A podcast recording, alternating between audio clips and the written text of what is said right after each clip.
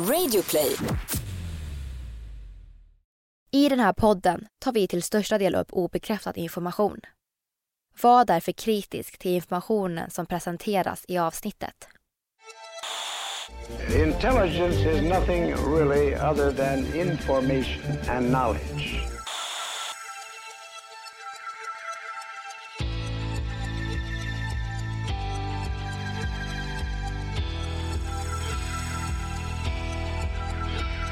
Du lyssnar på Konspirationsteorier. En podcast med mig, Vivi. och mig, Aida. Och det här är en annan sida av historien om den globala massövervakningen.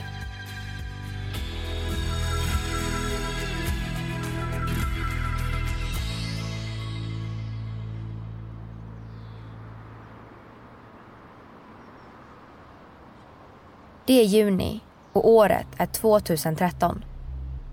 Teknikern Edward sitter vid sin dator. Han vill bygga en bra värld. En värld som består av hans kärlek till siffror. En bättre värld för oss alla människor. En säker värld. Följderna av 11 september-attackerna ligger kvar som ett mörkt täcke över USA och Edward känner hur landets ledare förväntar sig att han och hans kollegor ska hitta nya sätt, nya möjligheter att förhindra liknande katastrofer. Rädda liv. När de sa att det var dags att hitta nya, säkra system som byggde på teknik hade Edward lyst upp. Han älskade ju teknik. Han älskade sitt land. Han har alltid velat ta USA in i framtiden. Och precis som de flesta amerikaner har Edward alltid haft en tro att landet inte gör fel. Därför slet han alltid extra hårt. Men bara på några år har han förändrats jättemycket. Han har gått från att vara en vanlig kille, en datanörd som arbetade som IT-tekniker till att idag, år 2013, arbeta som systemingenjör på 29 år som arbetar med cybersäkerhet för den amerikanska nationella säkerhetsmyndigheten NSA. Och snart är han en visselblåsare. Han har alla dokument med sig. Världen måste få se vad USAs regering håller på med. Hur stort det amerikanska spionaget egentligen är. Allmänheten måste få veta vad det är som pågår utanför deras vetskap. De måste själva få ta ställning till om det här är rätt eller fel. Han tar ett djupt andetag och för handen närmare tangentbordet. Tre, två, ett. Han trycker på skicka.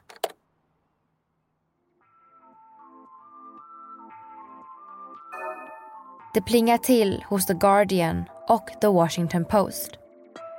Tidningarna har precis fått tillgång till upp till 200 000 hemligstämplade NSA-dokument som bekräftar att USAs regering byggt upp ett olagligt globalt övervakningssystem. Ett system som tillåter regeringen att läsa e-post, meddelanden och avlyssna telefoner. Massövervakning på hela befolkningar.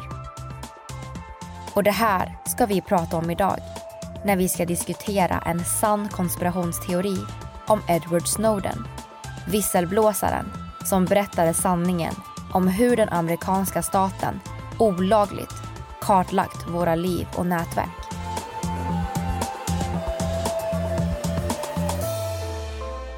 Det här är en podcast för dig som är intresserad av en annan version av verkligheten. En version som tar upp alternativa teorier, mystiska sammanträffanden och diskussioner om vad som kan vara sant.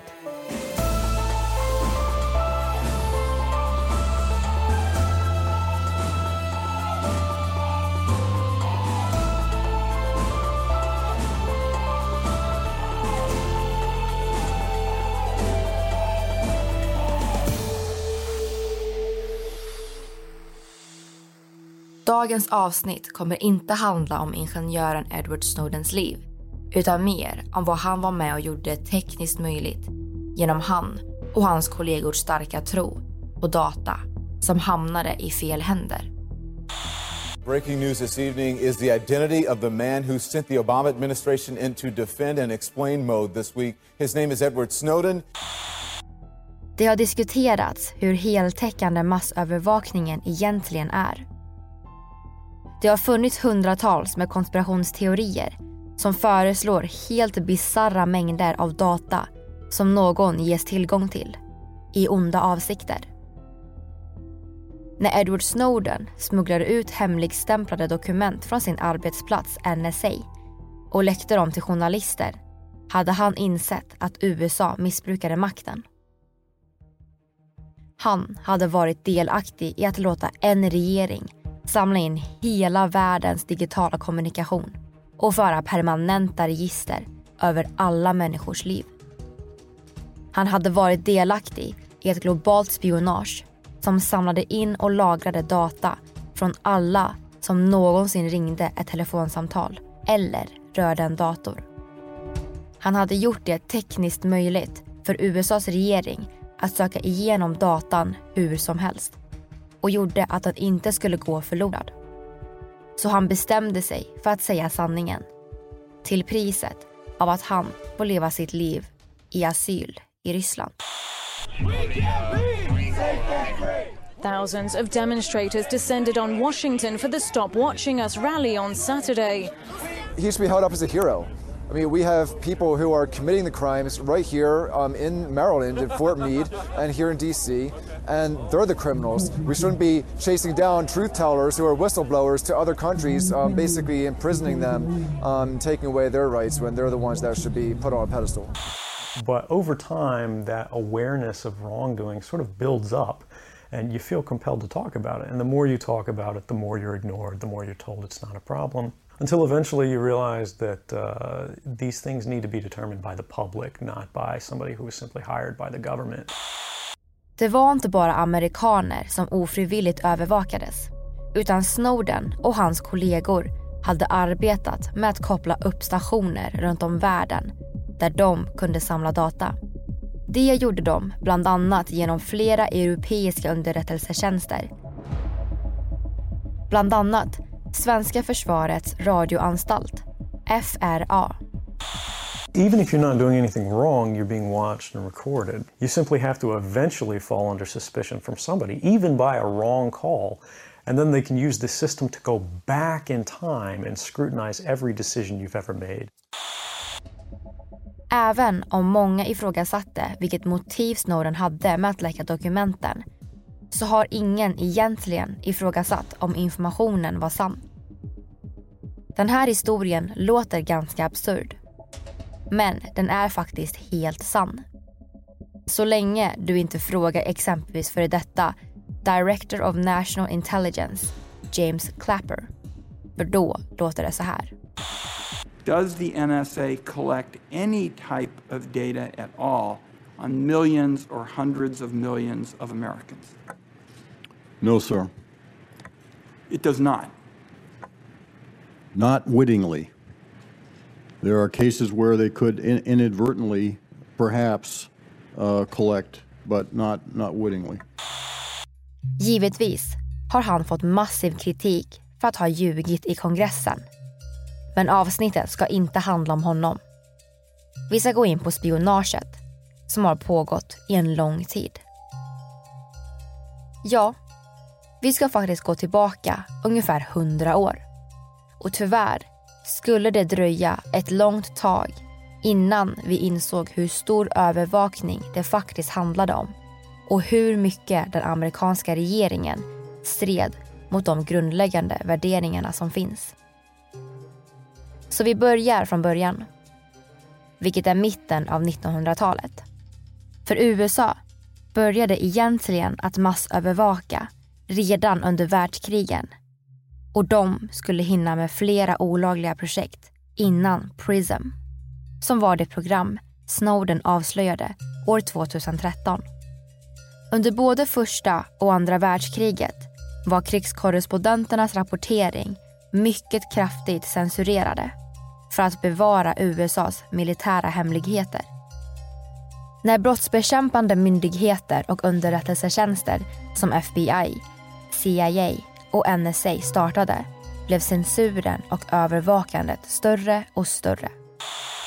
Mankind has been seeking knowledge of everything that influences his own life or the life of the nation to which he belongs. År 1945 fick NSA daglig tillgång till data genom systerprogrammen Project Shamrock och Project Minaret. NSAs tidiga försök till olagliga spionprogram. Där avlyssnade de amerikanska medborgares elektroniska kommunikation för att kunna lämna över namn på medborgare till FBI, CIA och andra brottsbekämpande organisationer och underrättelsetjänster. No American would have any privacy left, such is the capability to monitor everything telephone conversations, telegrams, it doesn't matter. There would be no place to hide.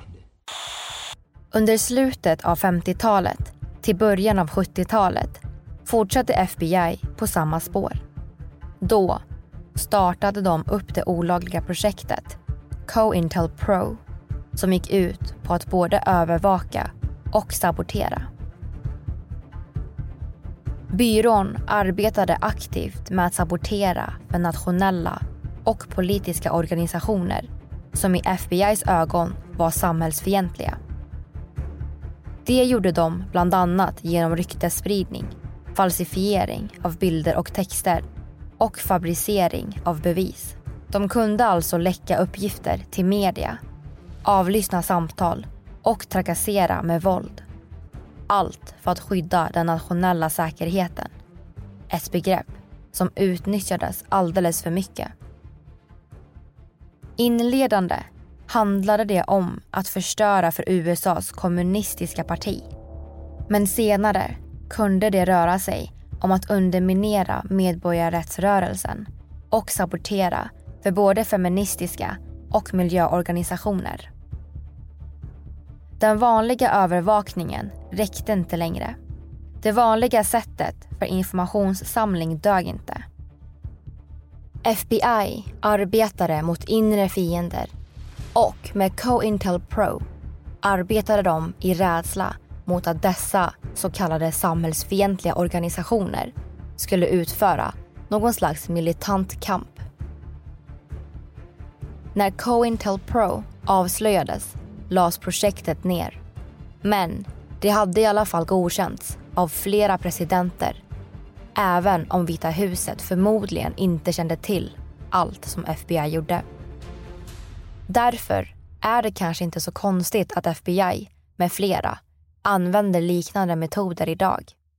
Det menar i alla fall konspirationsteoretiker. Sen kom Echelon, ett brittiskt amerikanskt kontrollsystem som startade under slutet av 60-talet. Andra världskriget och kalla kriget hade satt sina spår. Och makthavarna sökte nu efter ett system som skyddade mot militära hot men som också kunde fungera som ett redskap som USA kunde använda för spionage. Här hör vi författaren James Bamford om Echelon. During World War II, the United States and Britain and Australia and the other allies all cooperated together to uh, eavesdrop on Japan, Germany, the other uh, uh, enemies at the time, and to exchange information on code breaking. Givetvis har systemet förnekats länge och när människor började fundera så startades många debatter och olika konspirationsteorier. Även om Echelon främst är ett samarbete mellan USA och Storbritannien så finns det stationer i Australien, Kanada och Nya Zeeland vilket har gjort att samarbetet har fått smeknamnet The Five Eyes. Såklart har de inte erkänt systemets existens men det finns inte längre några tvivel. Five countries that were parties to the agreement the United States, Great Britain, Australia, New Zealand, and Canada agreed to share all intelligence collected uh, by their respective signals intelligence communities. Spionaget som pågår med Echelon, med NSA i spetsen, startade förmodligen som ytterligare en önskan från USA om ett världsherravälde.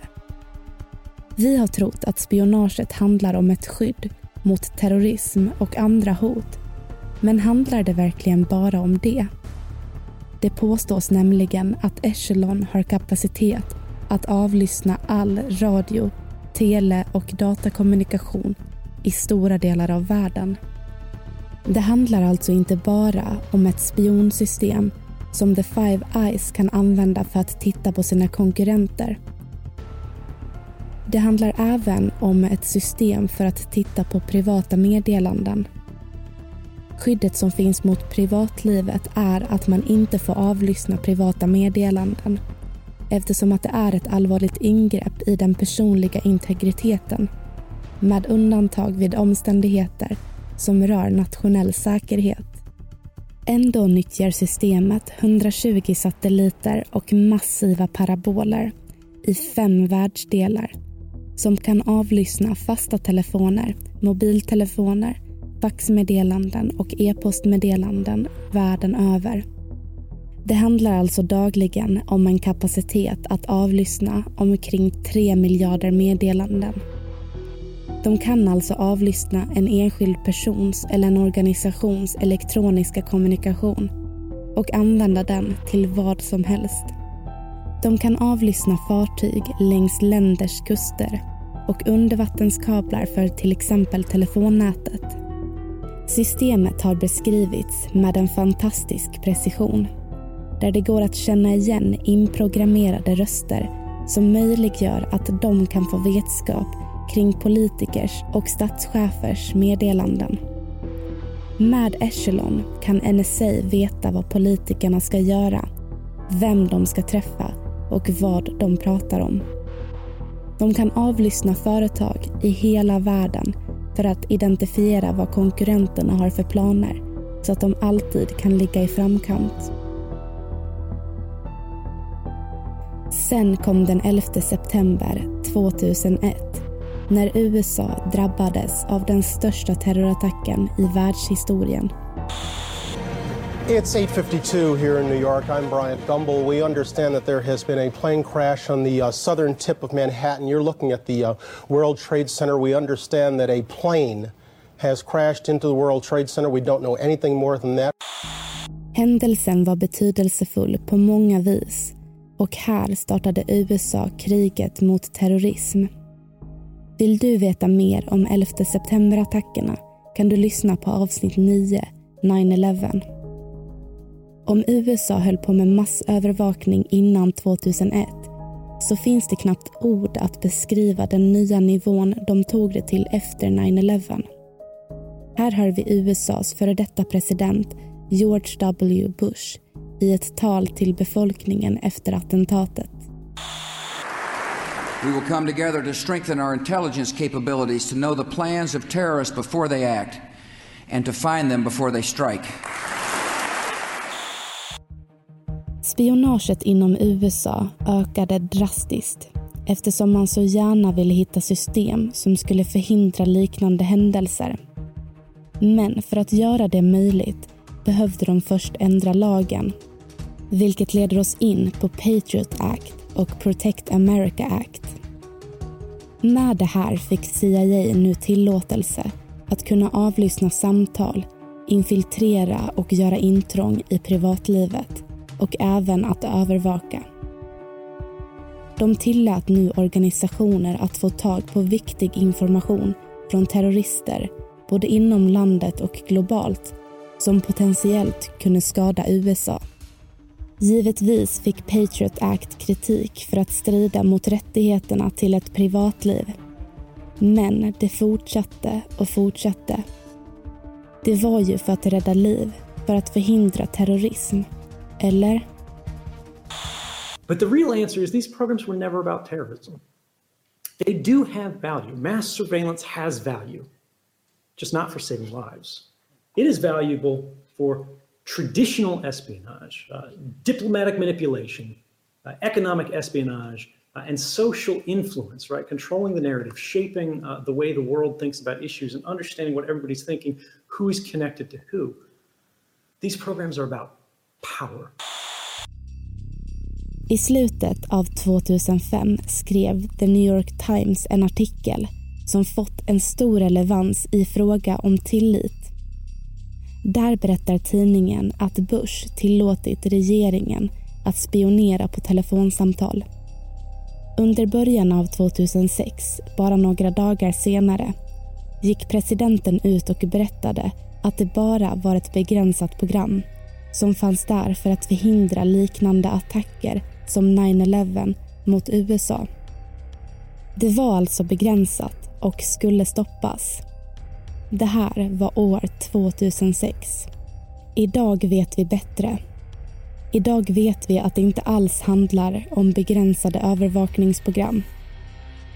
Idag vet vi att USA har hållit på med massövervakning i många, många år.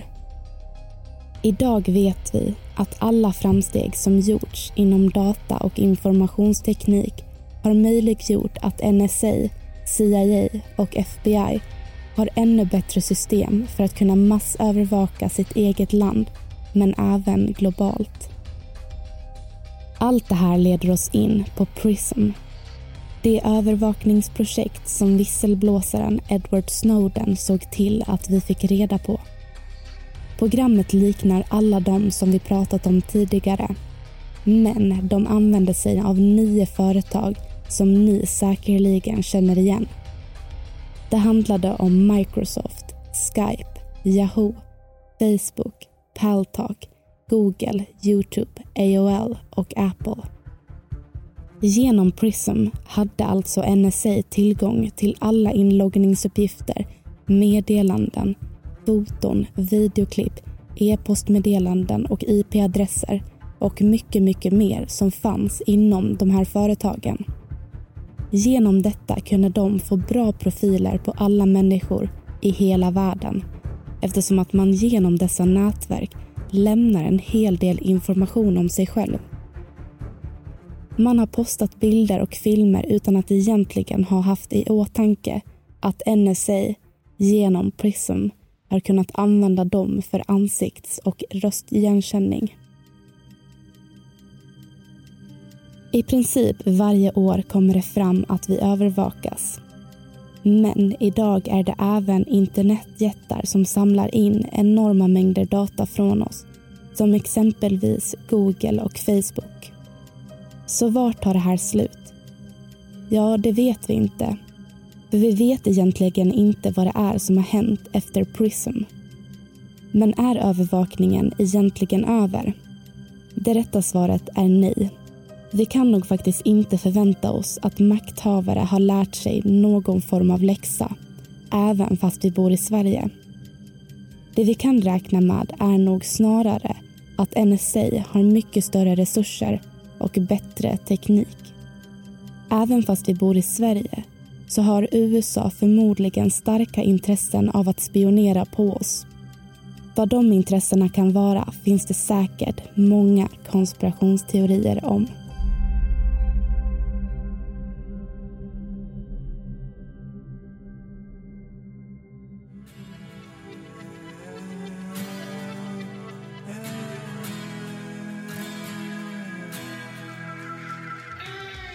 Du har lyssnat på podden Konspirationsteorier som gjordes sommaren 2020.